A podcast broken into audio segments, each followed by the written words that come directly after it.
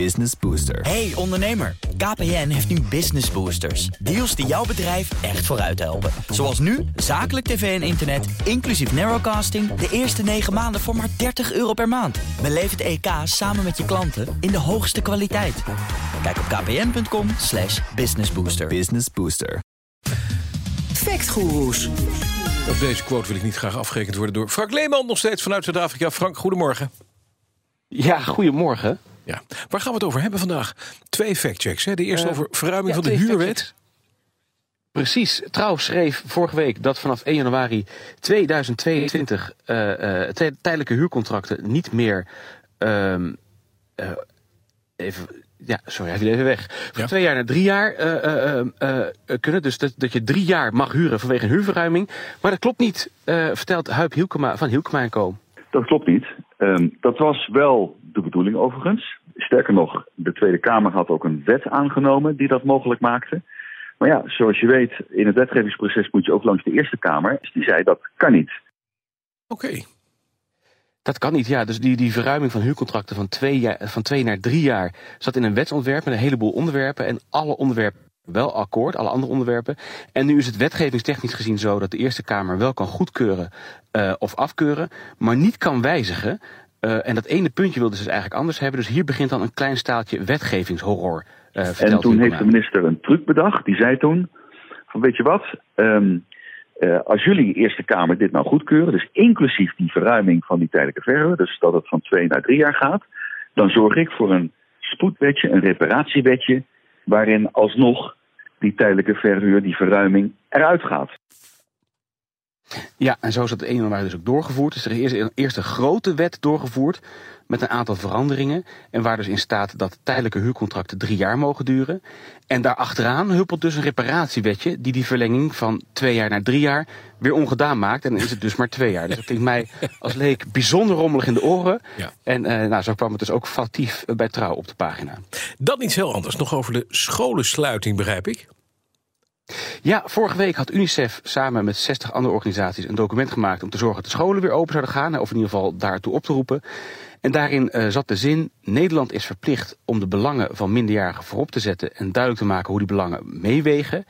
En eh, ja, vooral dat woordje verplicht, daar vroeg ik me van af of dat dan wel Of dat klopt. echt zo is. Ja, want UNICEF doelde mee op kinderrechten. Hoe zit dat ook alweer met, met kinderrecht, met dit soort verplichtingen?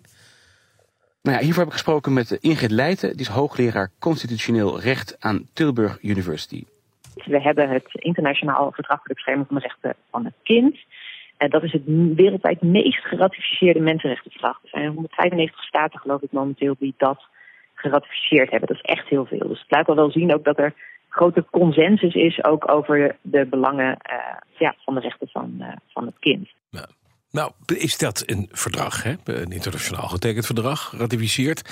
Maar Nederland heeft ook een grondwet. En in principe zou je zeggen, ja, dat, de- wat, wat je aan verdragen tekent moet grondwettelijk worden, kunnen worden getoetst. Hoe werkt dat samen? Kun je dat uitleggen? Nou ja, goed, ik, ik, ik zal je eerlijk zeggen dat ik dus altijd heb gedacht dat de kinderrechten dat dat een beetje een ding was van NGO's en dat het helemaal geen juridische status heeft.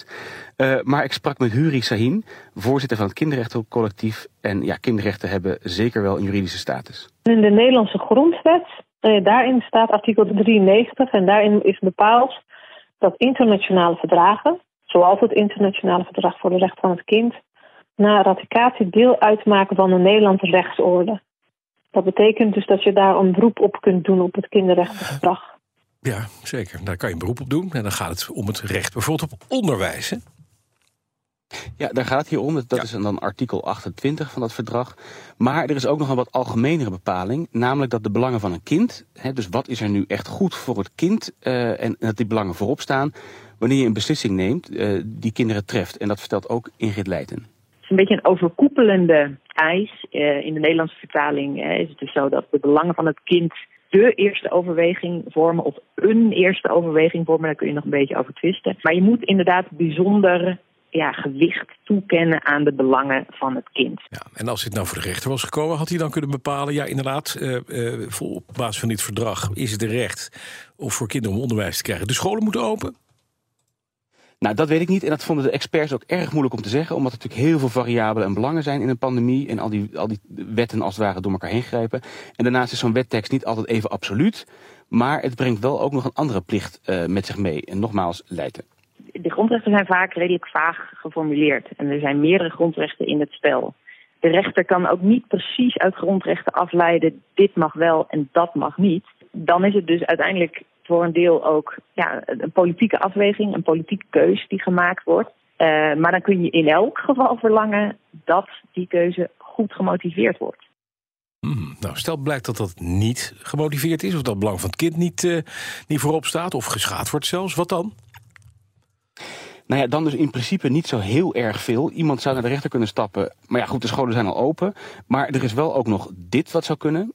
Als je als land een verdrag hebt ondertekend, dan is daar, hoort er ook een plicht als land uh, om je te verantwoorden aan het VN-kinderrechtencomité. Het kinderrechtencomité van Nederland kritische vragen stellen over de kinderrechten-situatie.